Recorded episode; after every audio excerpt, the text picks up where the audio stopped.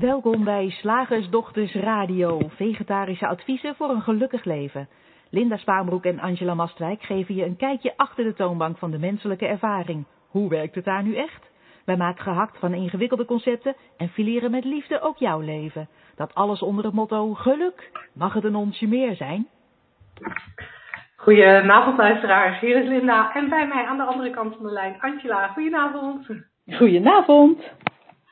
Hey, en eerst eventjes, ik heb een geheel nieuw apparaat om mijn uh, uh, geluid mee uh, in de radio te krijgen. Merk je dat ook een beetje? Ja, je, je klinkt vrij, vrij hol en het begin was heel interessant met geluiden. Oh. Hm. Het is eigenlijk niet echt beter dan de vorige keer. Maar wel een stuk harder.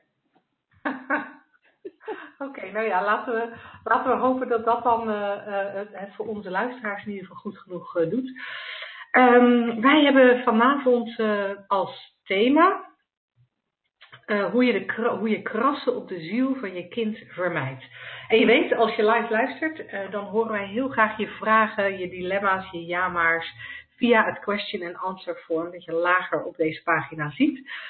En um, dan gaan we daar later deze uitzending mee aan de slag. Nou, ben jij een podcastluisteraar die dit niet live beluistert, dan uh, krijgen we jouw vragen heel graag via radio.shiftacademy.nl.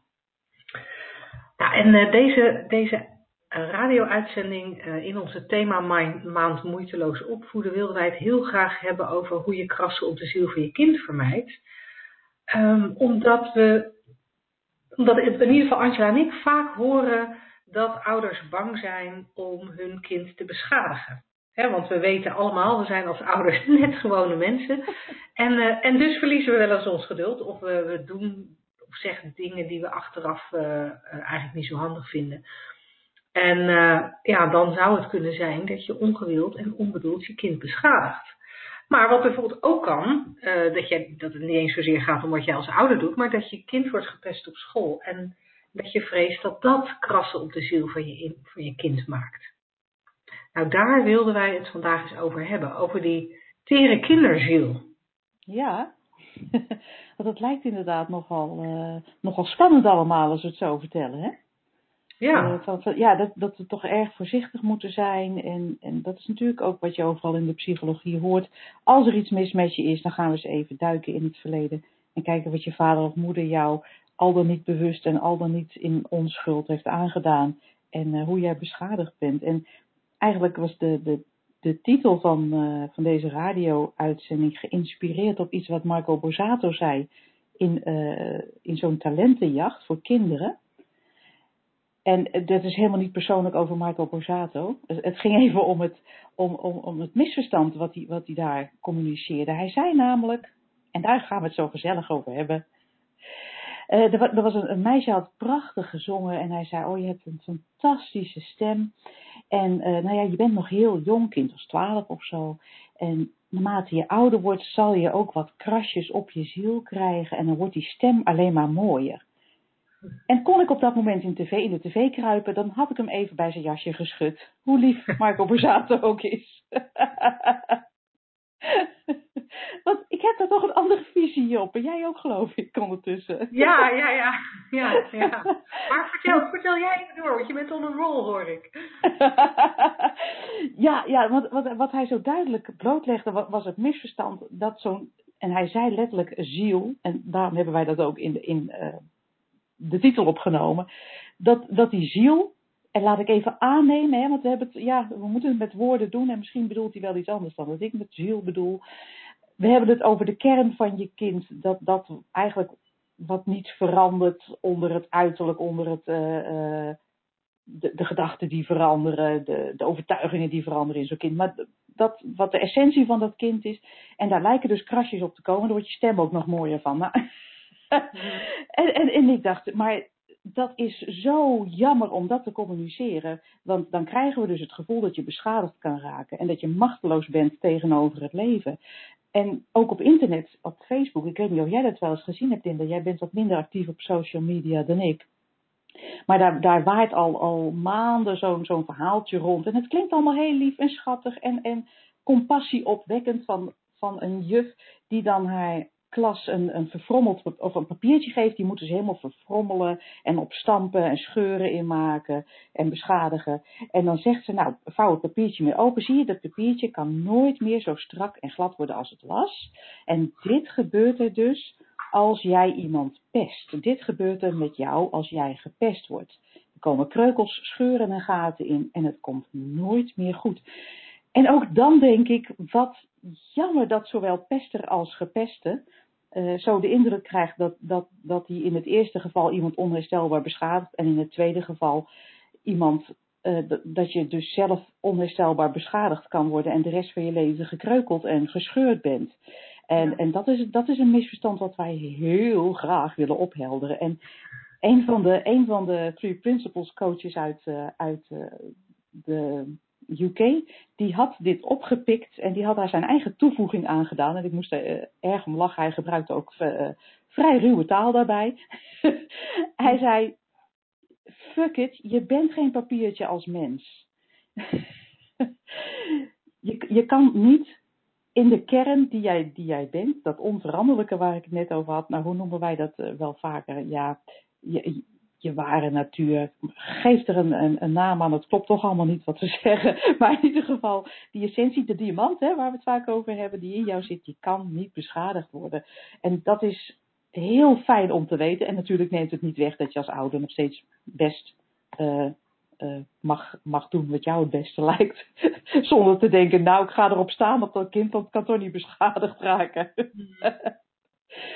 dus, dus ja, ik, ik vind het heel erg jammer, want het is eigenlijk waar alle, uh, waar, nou laat ik zeggen, heel veel psychische stoornissen ook aan opgehangen worden. Aan iets in het verleden, iets dat in het verleden is gebeurd, dat meegenomen is. En, uh, en nu zorgt voor uh, ja, het, het kwijtraken of het, of het niet meer kunnen vinden van het welzijn. Terwijl wij juist zeggen, en dat is ook uh, de 180 graden draai die wij maken in het paradigma zoals wij uh, dat communiceren van de Three Principles. Je kan, je kan niet beschadigd raken. Je bent gewoon in de kern onbeschadigbaar. En ja, er zijn uh, gebeurtenissen, maar die, in de kern doen die niks met je. Er is alleen een gedachte daaraan die je kan meenemen in de tijd. En ja, als je op dit moment aan die gebeurtenis denkt, dan zal je een vervelende gedachte hebben, want je, of een vervelend gevoel hebben, want je gevoel is nou eenmaal de andere kant van een gedachte. Dus denk je terug aan, die, uh, aan, aan dat drama van het pesten, om maar even iets te noemen. Ja, dan zal je nu ook weer ellendig voelen. Maar dat is andersom natuurlijk ook. Hè? Als je terugdenkt aan een fantastische vakantie van tien jaar geleden, denk je niet, ik moet dit een plekje gaan geven, ik moet naar de psychiater om uh, om, om mijn ervaringen van die fantastische vakantie te verwerken. Je snapt dat het een herinnering is. En, en dat, nou ja, je kan eraan denken en dan voelt het fijn en dat is natuurlijk prettig.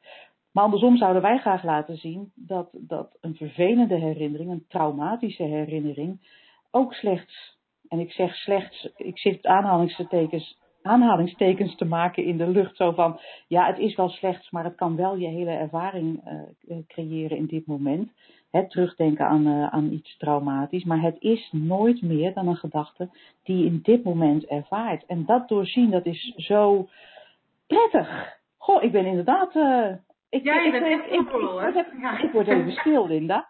Alles is voor mijn voeten weggemaakt. Ja, sorry. Nee, natuurlijk niet. Het is alleen maar leuk. als, de, als, als de inspiratie er is, moet je hem lekker laten vloeien. Um, en volgens mij hebben we ook al eens uitzendingen gehad waar ik wat meer aan het woord was. Dus dat is helemaal goed.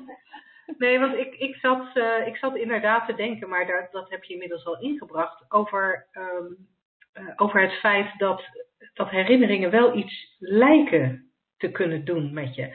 Want ik kan me, ik, ik, heb mensen in mijn omgeving die um, ja, reacties die ze nu geven, uh, of beslissingen die ze nu maken in hun leven, of hoe ze zich nu voelen, uh, eigenlijk toeschrijven aan het feit dat ze bijvoorbeeld vroeger gepest zijn, of dat er iets anders is voorgevallen wat ze heel vervelend vonden. Hè? Van, ja, ik, uh, ik heb moeite om mij te binden, omdat mijn ouders vroeger niet beschikbaar voor me waren. Dus ik heb vroeger ook niet geleerd om mij te binden. Ik noem maar even iets. Hè. Ja. Uh, of zoals daarnet, ik ben vroeger gepest en daardoor um, ben ik nu angstig en heb ik weinig zelfvertrouwen. En het interessante, wat, wat ik interessant vind of fascinerend of in, in ieder geval, het, het, het kan me bezighouden als ik daarover na ga denken, is het feit dat veel hulpverlening juist gericht is op het kijken naar, oké, wat is er vroeger dan gebeurd? Ja. En, uh, en dan mag je dat als uh, cliënt of patiënt, uh, mag je dat gaan vertellen. En waar we met z'n allen aan voorbij lopen, is dat herinneringen extreem onbetrouwbaar zijn. Er zijn onderzoeken naar gedaan. Misschien dat jij er een keer in het kader van de wetenschap dat onderzoek eens op zou kunnen duikelen.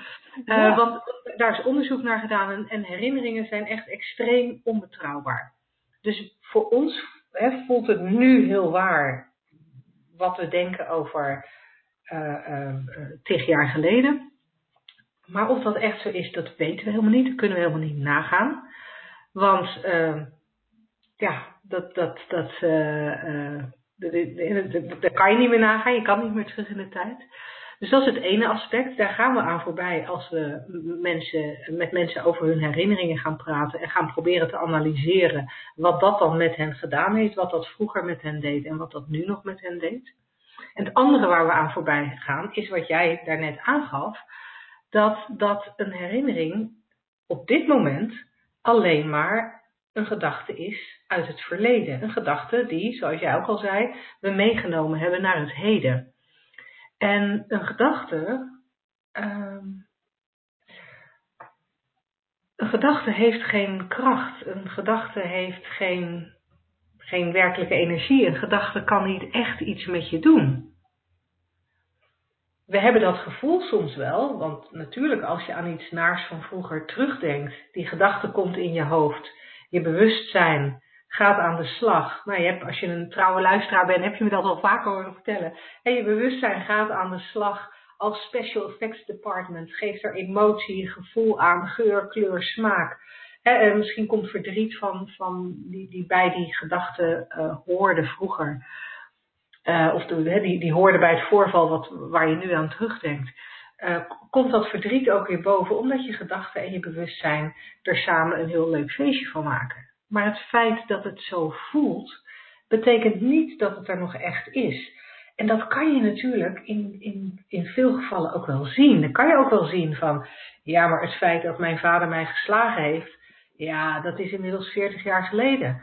Of het feit dat ik gepest werd, is inmiddels 25 jaar geleden. Um, of uh, het feit dat ik um, op de middelbare school heel onzeker was over presentaties en die gedachten nog steeds met me meeneem. Dat die middelbare school is ook al heel erg lang geleden. Dat kunnen we analytisch vaak wel zien, maar doordat we niet weten dat, dat het nu zo echt voelt, puur doordat, ja, doordat ons psychologisch systeem zo werkt, hè, gedachten, bewustzijn, die maken samen een prachtige film ervan.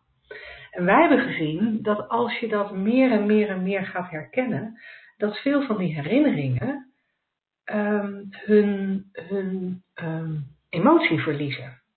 Ik kan zelf nog steeds herinneringen van vroeger oproepen waarvan ik zelf ook lang heb gedacht, oh dat draag ik met mij mee, dat was traumatisch, dat was vreselijk. En ik kan het nu terughalen in mijn gedachten. En blijkbaar doordat ik weet hoe het systeem werkt, komt het gevoel er niet bij. En als het gevoel, hè, de emotie komt er niet bij. Mijn, bewustzijn doet er niet zoveel meer mee. Dus, dus alles wat ik in het verleden heb meegemaakt en wat mogelijk traumatisch was, het zit er nog wel als herinnering. Maar, maar, de, maar de pijn is er niet, omdat, omdat ik doorzie dat als ik al even pijn voel, dat dat echt van vroeger is en echt nu niet meer speelt. Nee, precies. En zoals jij het uitlegt, is ook een mooi beeld van. het is een film, hè, nu nog. Als het niet nu gebeurt, is het een film die je in het verleden gezien hebt. En wat vaak gebeurt in therapie, ik hoorde laatst iemand vertellen, die, heeft een, die persoon had een, echt een traumatische ervaring. hartstikke vervelend. En wat er dan therapeutisch gedaan werd, was dus teruggaan naar die film, naar uh, die scène uh, van die gebeurtenis. En dan werd die dus, uh, de scène werd veranderd. Zodat je er geen last meer van had. En dan dacht ik, Ja. het is dus, ja, dus, dus je, het is zoveel prettiger en ook minder vermoeiend. Omdat, ja, je hebt nou eenmaal in een leven, wij zijn ondertussen de 50 gepasseerd, heel veel scènes meegemaakt. Ja. om, die, om die allemaal achteraf, eh, tenminste de traumatische, te gaan eh, eh, versleutelen, daaraan te gaan sleutelen. En wat wij zeggen is zoveel simpeler. Zie dat het een film is. Ja, en, en, en, en wat, ik, wat het ineens in me opkomt nu ik jou dit hoor zeggen, is dat. Ehm, wat, wat, wat, ook interessant is om te zien bij jezelf, is dat je meer. Hè, we- jij, jij geeft het al aan, we hebben heel veel meegemaakt in, in die afgelopen 50 jaar. We hebben veel scènes, eh, filmscènes eh, meegemaakt. En, en bepaalde filmscènes ehm, blijven we steeds opnieuw eh, terugzien als mensen. Daar blijven we maar naar kijken. En andere scènes die misschien objectief gezien net zo ernstig waren, die blijven we niet terughalen. En, ehm, en dat, dat geeft wat mij betreft een heel mooi aanknopingspunt naar je kind toe. Hè? Want, want daar ging het uiteindelijk, hoe je krassen op de ziel van je kind vermijdt. Nou, wij zeggen ten eerste, die krassen die komen er helemaal niet op, dus daar hoef je niks voor te doen. Uh, da- da- dan kan je het nu onmiddellijk uit je hoofd zetten, dat je daar een taak in zou hebben. Maar we kunnen ons wel voorstellen dat je het fijn vindt om je kind uh, een, een, een, een, beetje vrolijk en moeiteloos door het leven uh, te helpen gaan. En dan kan het heel erg helpen om, om je kind um, te, laten, te laten zien hoe het, hoe het systeem werkt. Dat als het kind bijvoorbeeld gepest wordt, of er is iets anders gebeurd wat vervelend is. Mijn zoon bijvoorbeeld uh, was vervroegd naar groep 3 gegaan en hij was nog maar koud 6. Um, en hij moest een spreekbeurt houden en dat arme jonkie, hij was nog heel klein, die had, die had uh, de hele meivakantie uh, had hij uh, foto's lopen maken van kastelen. We waren op vakantie in Wales, had hij kastelen en had boekjes gekocht en bestudeerd in, de, in, in het Engels. Hij kon het Engels toen nog niet lezen, maar wel al die plaatjes bestudeerd en aan zijn vader gevraagd wat het nou allemaal betekende. Dus hij had een spreekbeurt gemaakt met eigen gemaakte foto's. Echt geweldig, geweldig, geweldig. En vervolgens kreeg hij een onvoldoende, omdat hij te zacht sprak. Hij was nogal verlegen. En, oh. en hij kreeg een onvoldoende. En, en nou, ik had toen nog niet het inzicht wat ik nu had. ik vond dat echt een kras voor mijn kind. ik dacht, maar je ziet me altijd beschadigd. En, en nog geen jaar later uh, ging hij diploma zwemmen. Uh, en uh, hij had het proefzwemmen gedaan, had het proefzwemmen gehaald. Dus nou ja, iedereen weet als je het proefzwemmen door bent gekomen, het diploma zwemmen is alleen maar een formaliteit. Nou, ja. behalve in het zwembad waar mijn kind afzwom.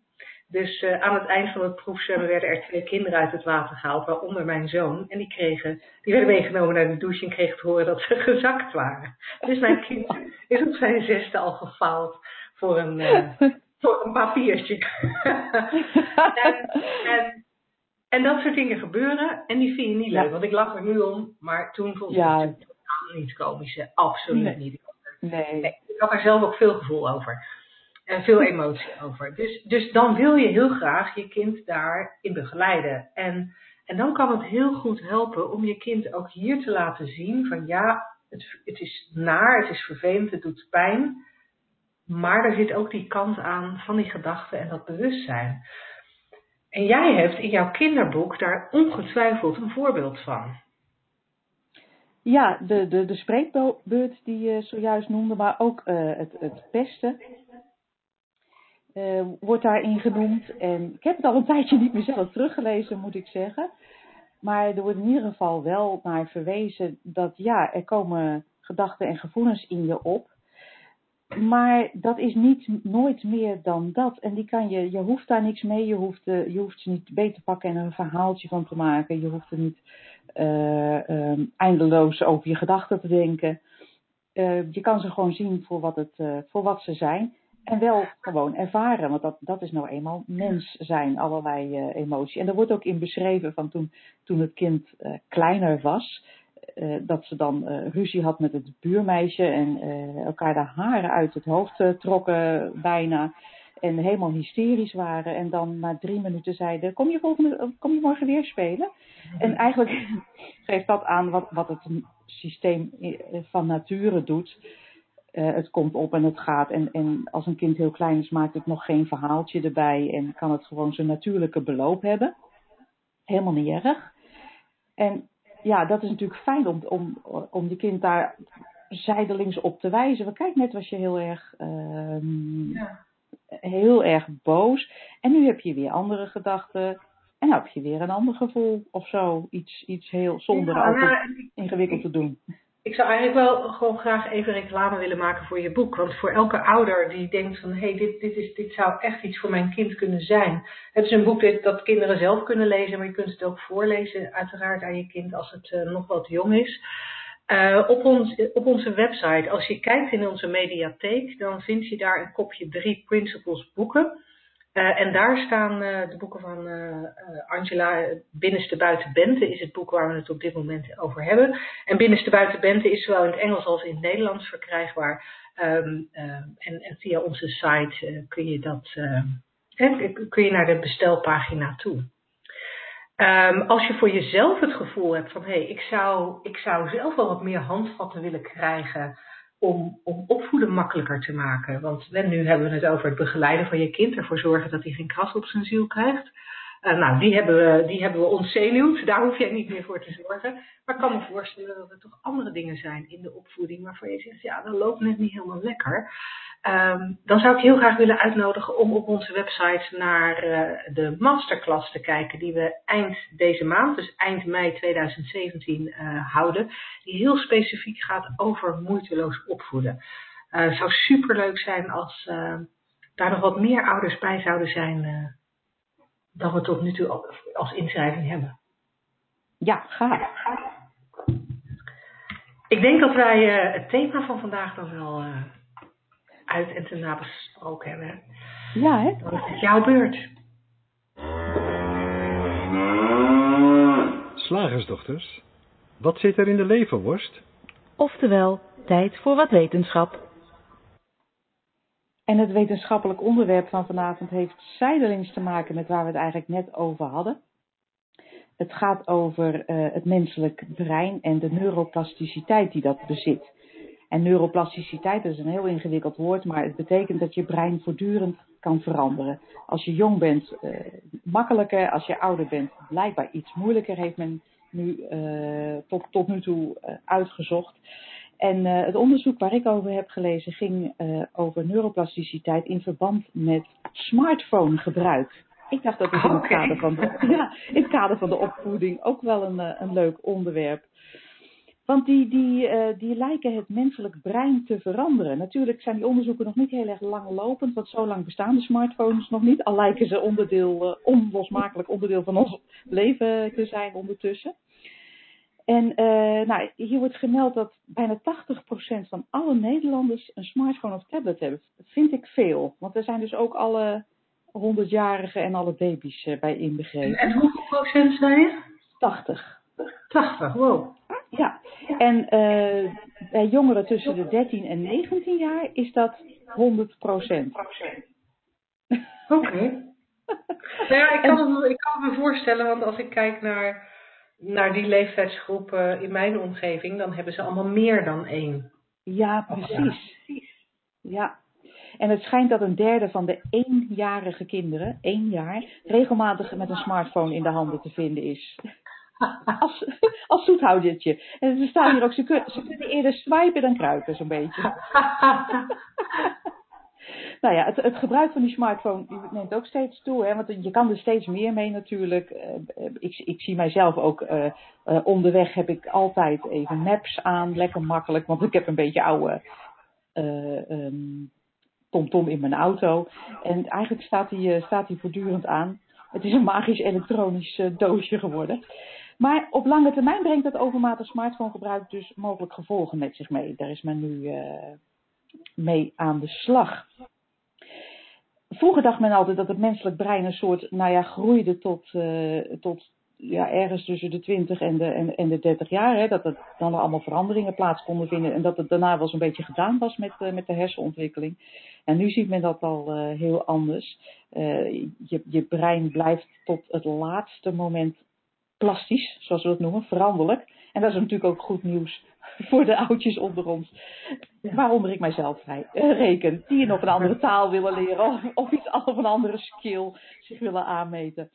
En uh, met name bij het ontwikkelen van gewoontes, want daar hebben we het over, hè, smartphone gewoonten, kan het brein zich dusdanig aanpassen dat het zo efficiënt mogelijk functioneert. Heel nuttig als we iets nieuws willen le leren, maar als je een slechte gewoonte ontwikkelt, en blijkbaar is smartphonegebruik slecht in dit onderzoek, is dan ook alweer interessant, uh, is, het, uh, is het niet zo handig.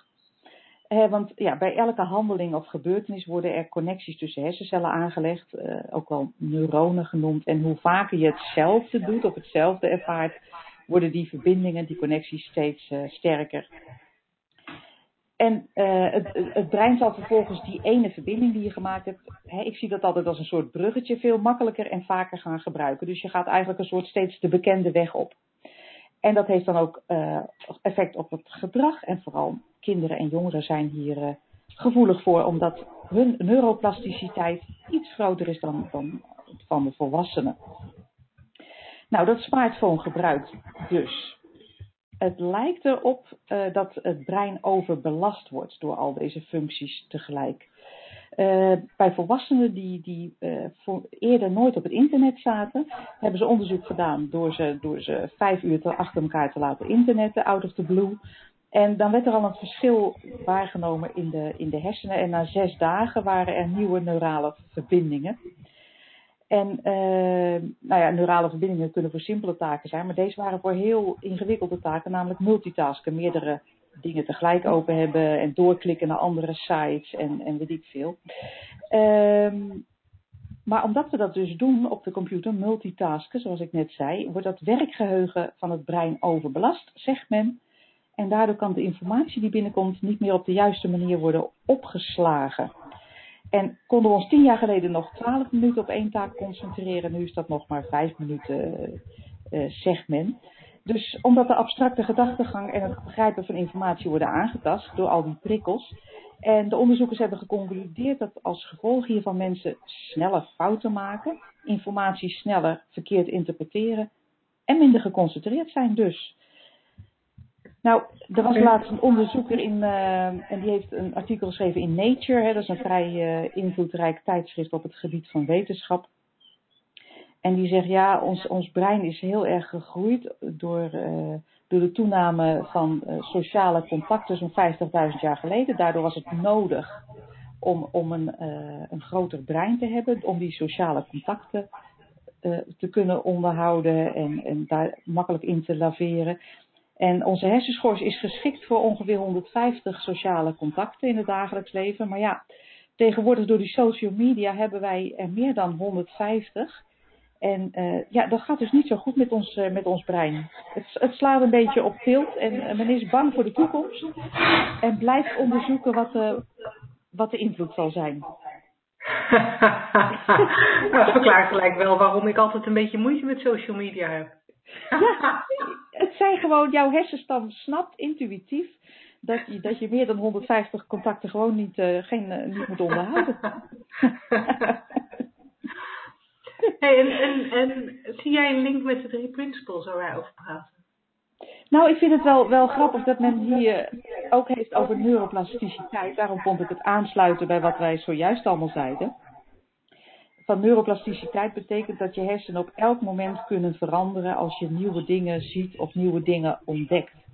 En dat die bruggetjes die gebouwd worden, waar ik het net over had, ook weer afgebroken kunnen worden.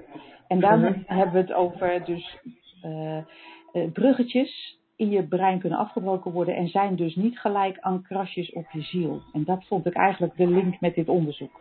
Ja, ja wat, ik, wat, wat, ik nou heel interessant zou vinden, um, um, dus en we kunnen er nu alleen maar over mijmeren, want wij hebben dat onderzoek ja. niet gedaan.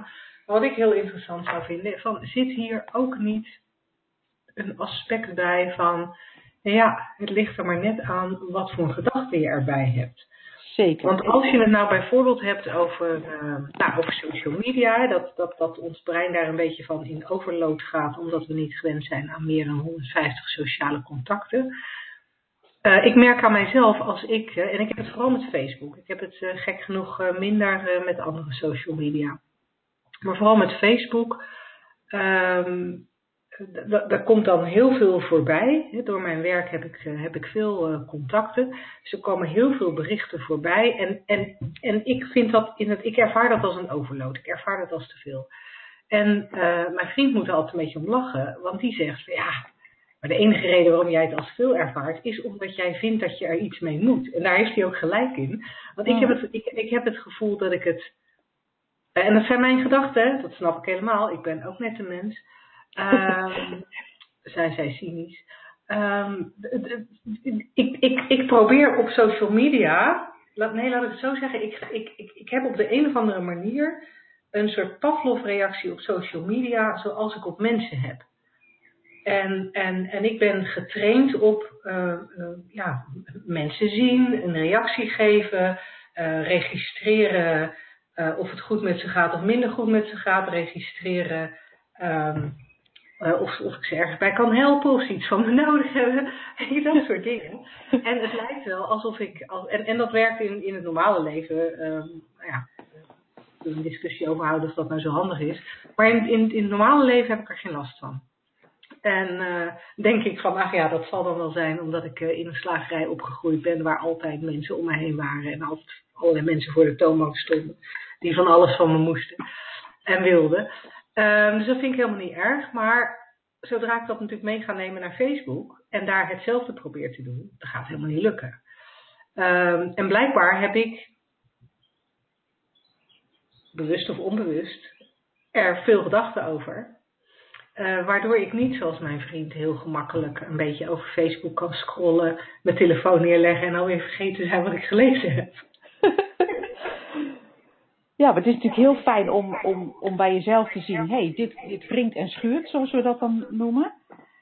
En te, je te realiseren, dat is, ligt niet aan Facebook, het ligt niet aan mijn aantal contacten, het, het ligt ook uh, uh, niet aan mij, want we kunnen nou eenmaal niet, niet echt iets doen aan al die gedachten die opkomen. Maar het enige wat er wringt is inderdaad een gedachte die ik in het moment heb van, oh, ik, ik moet hier iets mee, maar dat kan ik niet en het is te veel. Ja, en die gedachte, die voel je dan en dat wringt. Dat is wel fijn om te weten. Anders zou je, ja. zou je bijvoorbeeld een Facebook-fobie kunnen ontwikkelen, Linda.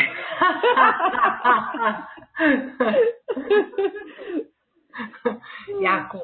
Doe, me, doe mij nog een fobietje. Daar gaan we ook nog een keer een radio-uitzending over doen. Ja, goed idee. Dat is een leuke. Uh, even kijken, waar zit ons volgende muziekje? Zeg, slagersdochters, hoe bak ik die vegaburger? Over naar de luisteraarsvraag. Nou, nou heb ik een hele leuke vraag, dus ik hoopte dat jij geen vraag had binnengekregen. Nee, ik, nee mijn, mijn, mijn mail is blanco. Shoot. Oké, okay, helemaal goed. Um, wel heel even goed naar de goede pagina navigeren. Oh, daar is die. Ja. Hetty uh, schrijft. Ik uh, lees op jullie website dat jullie het hebben over een nieuw paradigma en in jullie radioshow hoor ik jullie dat woord ook vaak noemen. Maar naar mijn gevoel zeggen jullie hetzelfde als red. Dat je irrationele gedachten moet herkennen van rationele gedachten. En dat je die irrationele gedachten kan veranderen en dat je je dan beter voelt. Zie ik dat goed?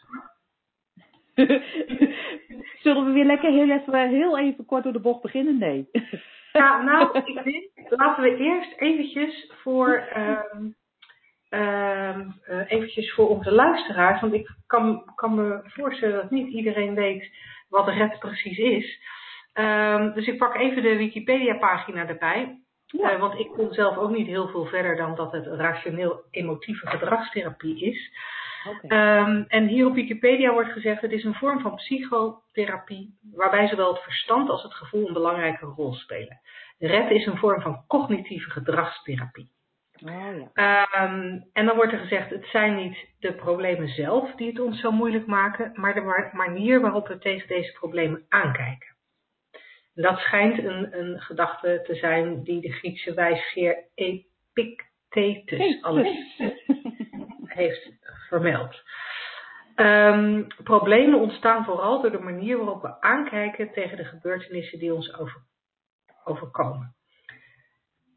Nou, ik denk niet dat we. Oh ja, nou misschien is dat leuk om te zeggen. Bij de theorie van Red wordt gebruik gemaakt van de letters ABC. A staat voor aanleiding, de oorzaak. B staat voor de bril waardoor je kijkt, de overtuiging. En C staat voor de consequentie, het gevolg. De kern van Red komt erop neer dat niet A de oorzaak is van C, maar B, dus de bril waardoor je kijkt. In het Nederlands, het zijn niet de gebeurtenissen in je leven die bepalen hoe je je voelt, maar de manier waarop je tegen die gebeurtenissen aankijkt. Of de manier waarop je jezelf van het belang van die gebeurtenissen overtuigt. Door oefening kunnen de overtuigingen worden veranderd, kun je een andere bril beginnen op te zetten. Dit kan op zo'n manier dat ze beter, realistischer, van minder tot niet irrationeel bij de situatie aansluiten. En het gevolg is dat het gevoel dat hierbij hoort beter aansluit, positiever is. Gevoelens van ontreddering, angst, woede, schaamte, minderwaardigheid en, en andere worden minder frequent en kunnen, kunnen vaker vermeden worden. Ja, ja, het is een klassiek voorbeeld. Hè, van, en ik vind het heel fijn dat. Uh, ik ben even de naam kwijt, maar uh, deze mevrouw die de vraag heeft, uh, heeft ingestuurd. Want daarmee kunnen we. want het lijkt een heel klein verschil tussen het red wat jij nu noemt, of, of cognitieve knutselarij. Sorry. Co cognitieve therapie en wat wij communiceren. Maar het is wel een hemelsbreed verschil. Ja, terwijl als je, dan, als je het zo leest, dan, dan, wat jij al zei, lijkt het verschil niet zo groot. Ja, want wij, wij, als je oppervlakkig naar ons luistert, lijken wij ook te zeggen: hé, hey, het is nooit het ding wat er gebeurt. Het is altijd jouw gedachte over het ding. Ja, en, en toch gaat het, gaat het uh, dieper. En ik vind het is misschien leuk om daar even een voorbeeld bij te pakken van, uh, van de beer op de weg. Uh uh, want, want er wordt gezegd, oké, er is een beer op de weg. Hè, dat is dan, het staat dan symbool voor problemen, situatie in je leven. En, en dat is eng en uh, je, je, wil een weg hebben. Of, en, en dan zegt blijkbaar Red, eh, en het, populaire omdenken ook, of cognitief, cognitieve therapie. Nou, zie de beer als je vriend. Of, en, en omarmen, hè? Ja, ja, of, ja, of de, de, beer, de beer is alleen maar vervelend omdat jij de overtuiging hebt dat beren ja, vervelend zijn. Maar beren kunnen ook lief zijn en uh, als je hem zo ziet, dan zal hij jou ook lief benaderen. Ik noem maar wat even. Ja. En wat wij zeggen gaat eigenlijk een stap ja, verder. Dat klinkt zo van alsof wij het beter weten en dat bedoel ik niet. Maar gaat dieper uh, uh, het denken in. Ehm, namelijk de beer is een illusie, zoals alles in de vorm een illusie is. Um, wat, wat vorm krijgt door het feit dat we kunnen denken. En dat we bewustzijn hebben wat dat denken tot leven brengt. Dat, dat, dat is de vorm waarin we leven. Maar het is een illusie. Dus daar hoef je niet, uh, die hoef je niet om te knutselen. Je hoeft niet, als je een beer op de weg hebt, uh, ermee in gesprek te gaan. Je hoeft hem niet neer te hoeken. Je hoeft hem niet te aaien. Je hoeft er niks mee. Die beer is, is jou, die beer is geprojecteerd. Projecteer een beer. en, en dat lijkt een beetje een soort onrealistisch. Van ja, er zijn in het leven toch echt wel dingen. Uh, van, die, die ik kan, bedoel, een, een, een echte beer die kan mij in mijn arm bijten. Maar wat wij zeggen is dat jouw ervaring in de vorm echt een volledig illusoir is, maar wel heel echt aanvoelt door dat denken en het, en het bewustzijn. Nou, wat heb je daar nou aan? Hoe schil je daar de aardappels mee? Wat doe je daarmee als, als zo'n zo'n zo'n realistische beer jou toevallig bijt? Ja, als je snapt hoe het systeem werkt, heb je gewoon, tenminste in mijn ervaring, en dat is ook wat wij waarnemen bij de mensen die met ons in gesprek zijn en uh, de mensen die al langer in deze richting op kijken, dan wordt er geen verhaal aan vastgeplakt van oh, die rotbeer. En oh, ik was mijn hele leven al bang voor beren. En zie je wel, en dat gebeurt mij weer. En straks krijg ik een infectie of moet mijn arm eraf. Het is gewoon die beerbijt. En misschien komt er dan op, dat wordt ziekenhuis. Of zo. Iets praktisch, denk ik. Iets gezond verstandsachtig. Omdat je snapt dat al die, ja, die, die andere ruis, ook al komt die wel eens, hè. Mag best. Geeft niks uh, dat die verder niet zo nuttig is voor het, uh, voor het leven in het hier en nu. En ik denk dat dat het grote verschil is. Ja, en als ik, als ik, uh,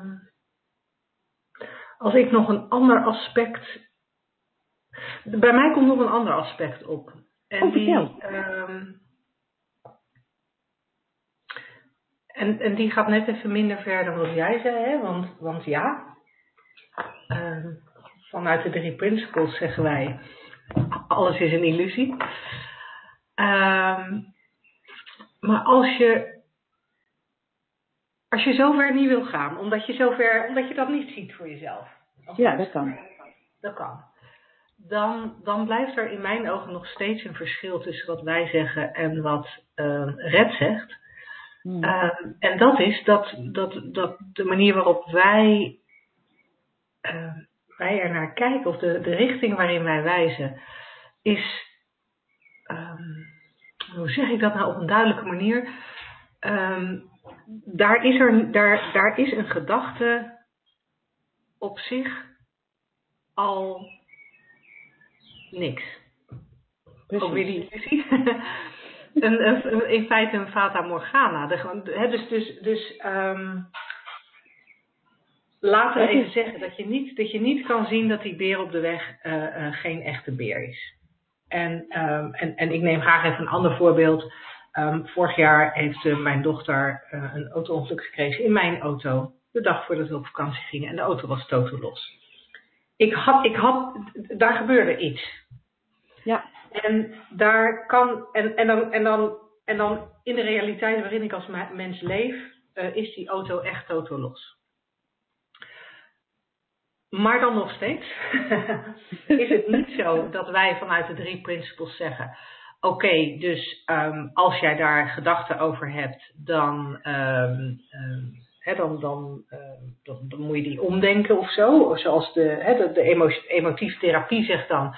Van ja, als je de bril op hebt van het is belangrijk om een auto te hebben, of het is uh, uh, erg als een uh, auto totaal los wordt gereden, ja, dan is het erg en dan moet je ermee dealen. Maar je kan ook de bril opzetten, het is niet erg dat die auto totaal losgereden is. En wat wij zeggen, ja, maar hoe je daar ook over denkt, of je nou positief denkt of negatief denkt, het is alleen maar een gedachte. Ja. En je gedachten zijn nooit waar. Je gedachten die veranderen nog sneller dan het weer. Je kan soms over bepaalde dingen hetzelfde blijven denken over een langere periode, maar je moet eens opletten hoe vaak je totaal verschillend denkt of totaal verschillend reageert op dezelfde situatie. De ene keer ben je dolblij dat het 27 graden buiten is en het andere, een andere dag baal je ervan en is het te heet en weet je niet wat je ermee moet. Uh, ik geef dit voorbeeld omdat ik mij bevind in de laatste situatie. ik heb het te heet vandaag. En, um, um, en, en en het feit dat die gedachten zo fluïde zijn, zo vloeiend zijn, zo veranderen, maakt al dat, het geen, dat, je, dat je eigenlijk kan zeggen: het maakt geen fluit uit wat je denkt.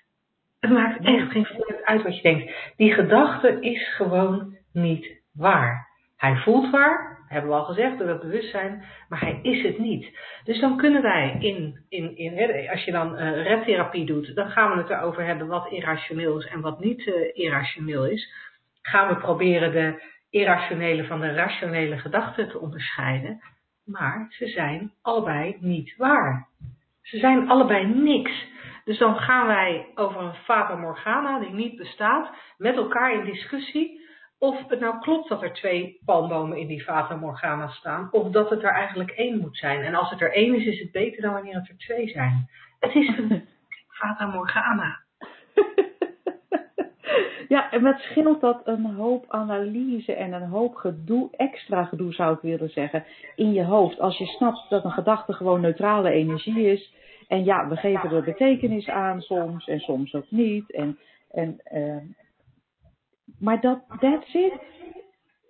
Maar het scheelt ook zo onwijs veel werk. Precies. Uh, en daar is het ook veel te warm voor. Het is echt, het is...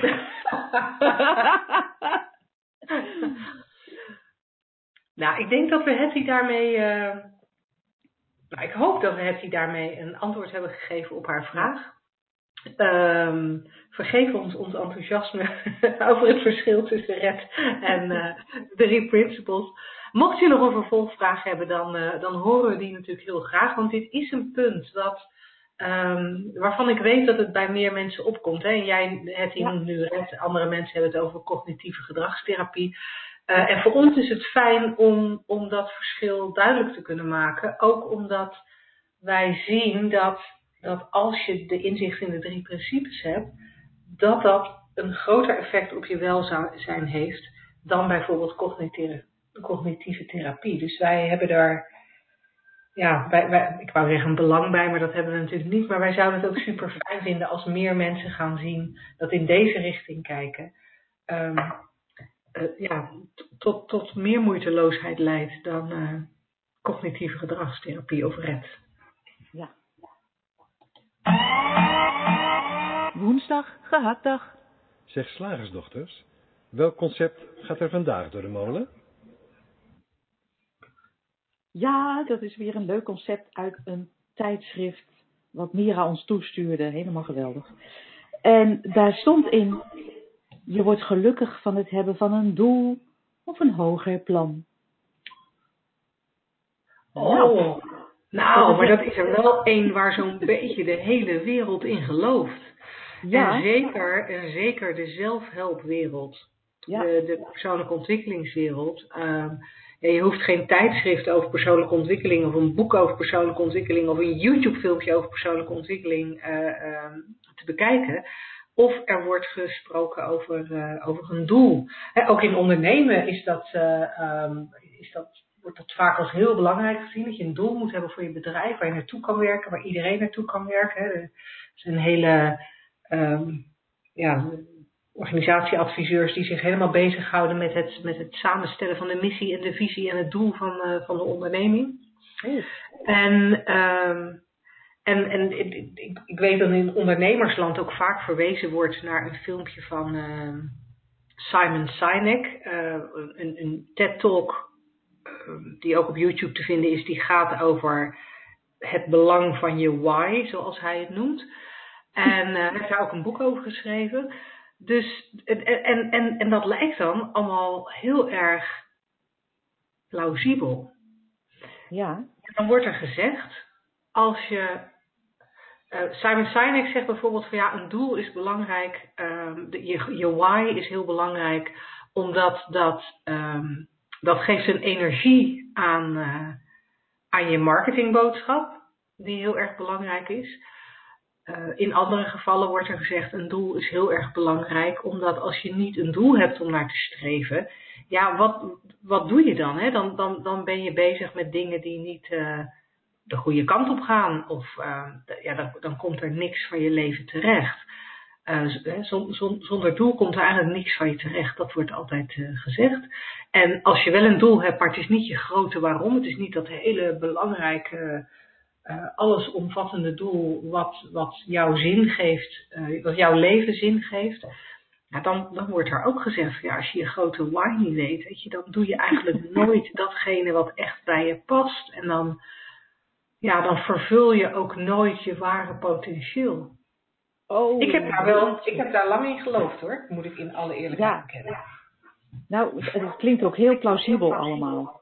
En ja. waarschijnlijk wordt het ook heel overtuigend gebracht. En ik, ik, ik, ik snap het ook. Ik heb een keer in een, uh, in, in, een, uh, een cursus gezeten, een dag, waarin ook steeds gevraagd werd, waarom, waarom? En ik, en ik, was, uh, ik zorgde dat ik een beetje zo uit, de, uit het slagveld bleef. Want ik dacht, ik ga dit eerst eens even waarnemen. Dat vind ik altijd leuk.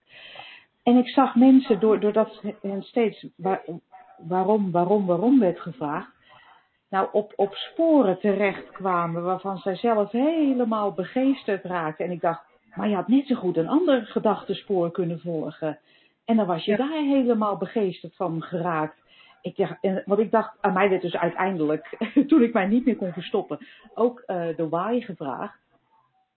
En ik, nou ja, ik, heb, ik, ik, was, ik was nog niet zo assertief uh, uh, dat, ik, dat ik zei, nou ja, fuck it, weet je, ik kan alles verzinnen. ik heb uh, braaf maar een gedachtentrein in elkaar gefrutseld. Maar ik, ik, en dan kwam ik wel ergens uit en ik dacht, nou, het, het, zal wel. Maar ik zag om mij heen echt fascinerend. Allemaal mensen helemaal oh, bezield raken, inderdaad. Maar, ik, maar ik, ik geloofde er gewoon niks van. Want je kan alles bedenken wat je wil. Je kan elke willekeurige gedachte vastpakken. Oh, maar dit is hem. En daar, en daar heel veel betekenis aan geven. En dat, natuurlijk voel je dat. Dat, dat bewustzijn zegt, kom, ik ga er eens, daar ga ik eens eventjes een, een hele fijne film van maken. En nu heeft Angela eindelijk haar diepe, diepe, diepe roeping gevonden. En uh, dat is het voor de rest van haar leven. En ik dacht, nou, volgens mij werkt het gewoon uh, niet zo, maar dat ben ik. het was nog voordat ik uh, on, ontdekte dat, dat geen enkele gedachte waar was. Ik dacht toen ook nog van, het is maar hoe je het bekijkt. Dus meer het, meer, meer het cognitieve verhaal. Maar het was me wel heel duidelijk dat je je als mens van jezelf en daarmee ook de omgeving alles wijs kan maken.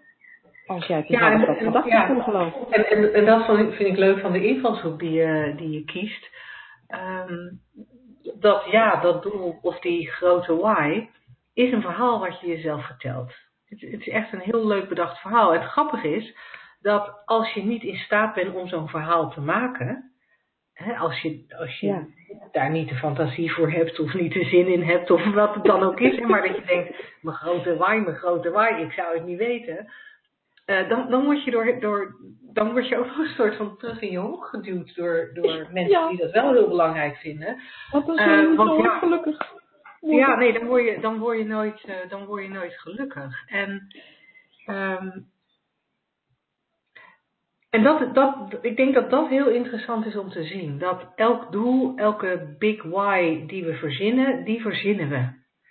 En, uh, en, en daar is geen, geen sprake van dat, uh, dat dat het enige antwoord is. Er hadden 8700 andere antwoorden uit kunnen komen. En daar zou je even geesterd over geraakt kunnen zijn. dus, um, wat mij betreft, super leuk om die gedachte-exercitie te doen, als je daar blij van wordt. Alleen in mijn, onze ogen, uh, niet echt zinvol. En wat ik, wat ik daarbij uh, zelf heb gezien, is dat een. Um, ik, ik weet niet hoe het zit met die why, met die, met die waarom, je dingen, waarom je dingen doet, of daar hetzelfde voor geldt. Maar van doelen heb ik in ieder geval wel gezien dat um, mensen, in ieder geval in, in ondernemerschap, want dat is natuurlijk de hoek waar ik de laatste jaren vooral in uh, rond uh, gespeeld heb. In ondernemerschap worden doelen uh, gezien als een manier om veel geld te verdienen en om veel mensen te bereiken, zodat je meer geld verdient. En, uh, en daar, daar, daar worden dan vaak wel hele goede verhalen omheen verteld.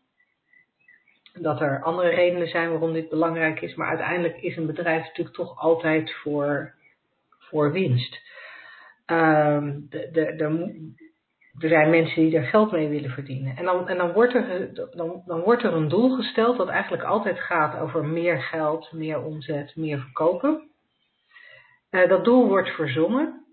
En vervolgens gaan mensen heel hard werken om dat doel te bereiken. En ik ken en, en er zijn een klein aantal mensen die, die ook echt blij worden van dat doel. Ook, ook dat is uh, uh, door wetenschap uh, onderbouwd. Er zijn mensen die inderdaad harder gaan lopen en, en gemotiveerd raken door een doel in de toekomst. Maar er zijn ook mensen die psychologisch zo elkaar zitten dat ze juist heel erg gedemotiveerd raken door zo'n doel. Of dat ze er angstig van worden. Of dat ze er gestrest van raken omdat ze zichzelf voorbij gaan lopen om dat grote zelfbedachte doel maar te bereiken. En mensen zijn enorm teleurgesteld als het doel niet behaald wordt en zijn dan totaal vergeten dat ze het doel zelf bedacht hadden. en, en, en dat ze dat ook maar uit hun duim hebben gezogen. en, en zijn dan heel boos op zichzelf omdat ze niet hebben kunnen bereiken wat ze zelf uit hun duim gezogen hadden. Maar daar zit iets fascinerends waar je jezelf heel erg mee in de weg kan zitten. Uh, zelfkastijding. Dat vind ik, dat vind ik inderdaad uh, zelfkastijding. En wat ik, wat ik tegenwoordig zelf veel liever doe, is. Uh, ik heb natuurlijk ook dingen in mijn leven die, die me leuk lijken. En dat hebben wij met Shift Academy natuurlijk ook. Wij hebben met Shift Academy ook dat we denken, nou, hoe cool zou het zijn als heel Nederland moeitelozer zou kunnen leven. De, wat zeg ik? We nemen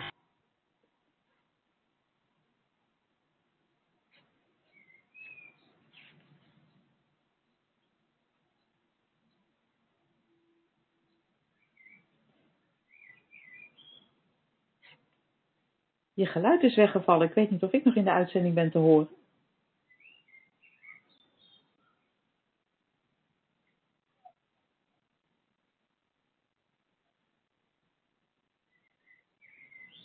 Daar ben ik weer. Hi. Tot waar gehoord? Uh, jij zei, het zou heel cool zijn als, heel als wij heel Nederland zouden kunnen inspireren om moeitelozer te leven. Sterker nog, we nemen, ik denk Vlaanderen mee. en um, uh, alleen, uh, en, en, dan spreek ik even voor ons tweeën, dus correct me if, if I'm wrong. Um, dat, is, dat, dat, dat heeft meer de vorm van een mijmering, van hé, hey, dat zou cool zijn. En ondertussen ja. doen, we, doen we zo in ons dagelijks leven dingen die best wel in die richting gaan, omdat we het cool vinden om daarmee bezig te zijn. Um, maar er zijn geen tijdlijnen waar we onszelf aan moeten houden uh, en, waar we in werkelijkheid stress van krijgen. En het is ook zo dat we niet een hele vaste vorm hebben, want bij doelen zit vaak ook gelijk een hele vaste vorm. En wat het grote nadeel is van een hele vaste vorm voor je zien, is dat je alle andere mogelijkheden uh, ja, niet bekijkt. En alle verrassingen die je tegen kunt op je pad, uh, ook niet als een verrassing ziet, maar als iets dat niet naar je doel toe leidt. Dus die laat je, uh, die laat je liggen. Terwijl juist die verrassingen misschien wel de weg zouden zijn naar, naar iets superleuks. Ja, en ik denk dat het ook nog uh, fijn is om te vermelden dat, even teruggaand naar het, het concept wat, wat zo in de gehaktmolen al vrijwel vermalen is, dankjewel. dat, dat je geluk er niet in zit. Want je geluk kan nergens anders in zitten dan in jezelf. Je wordt ermee geboren. En als ik kijk naar een, een kind wat een zandkasteel bouwt, die hoeft zich niet af te vragen: wat is mijn hogere plan? Heb ik een diepe drive om hier drie torentjes neer te zetten? Uh, uh, want dan ben ik pas gelukkig als ik, als ik aan mijn hogere plan voldoe. Dan denk ik ook, wanneer gaat dat spelen? Als je vier bent of als je 21 bent. het, het, lijkt zo, uh, het lijkt zo um, uh, ja, voor, voor, mij is het een, een, een gedachteconstructie. Terwijl als ik, als ik kijk naar wat, wat, is, wat is natuurlijk, wat, wat is het voor onze persoonlijke gedachten, voordat wij denken, Angela is een persoon met een persoonlijk plan. Ik moet gelijk denken aan een soort, soort tandartsverzekering. Oh ja, ik denk aan de pop van vroeger bij de ING, het persoonlijk oh. ontwikkelingsplan. Ja, ja ook, ook zoiets. Angela heeft een persoonlijk plan. Ja, volgens mij is dat allemaal volkomen uh, bedacht en is er in natuurlijk bewegen, zoals we dat bij kinderen zien, niet een, een, een ander groter plan dan, dan de impuls in het moment, in het, in het nu. Oh, dat gaan we doen. Nu. Ja. Altijd lekker. Ja, en dat is heerlijk. En, en, en dat staat of valt inderdaad met herkennen dat, dat het geluk nooit van, van iets buiten je komt. Nee. Dat lijkt mij een mooie constatering voor het eind van deze uitzending. Een fijne afronding, ja. Luisteraars, heel hartelijk dank uh, voor je aanwezigheid. En uh, Hetty, dankjewel voor je vraag.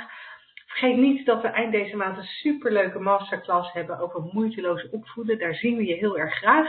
En natuurlijk ook heel graag tot volgende week. Tot dan!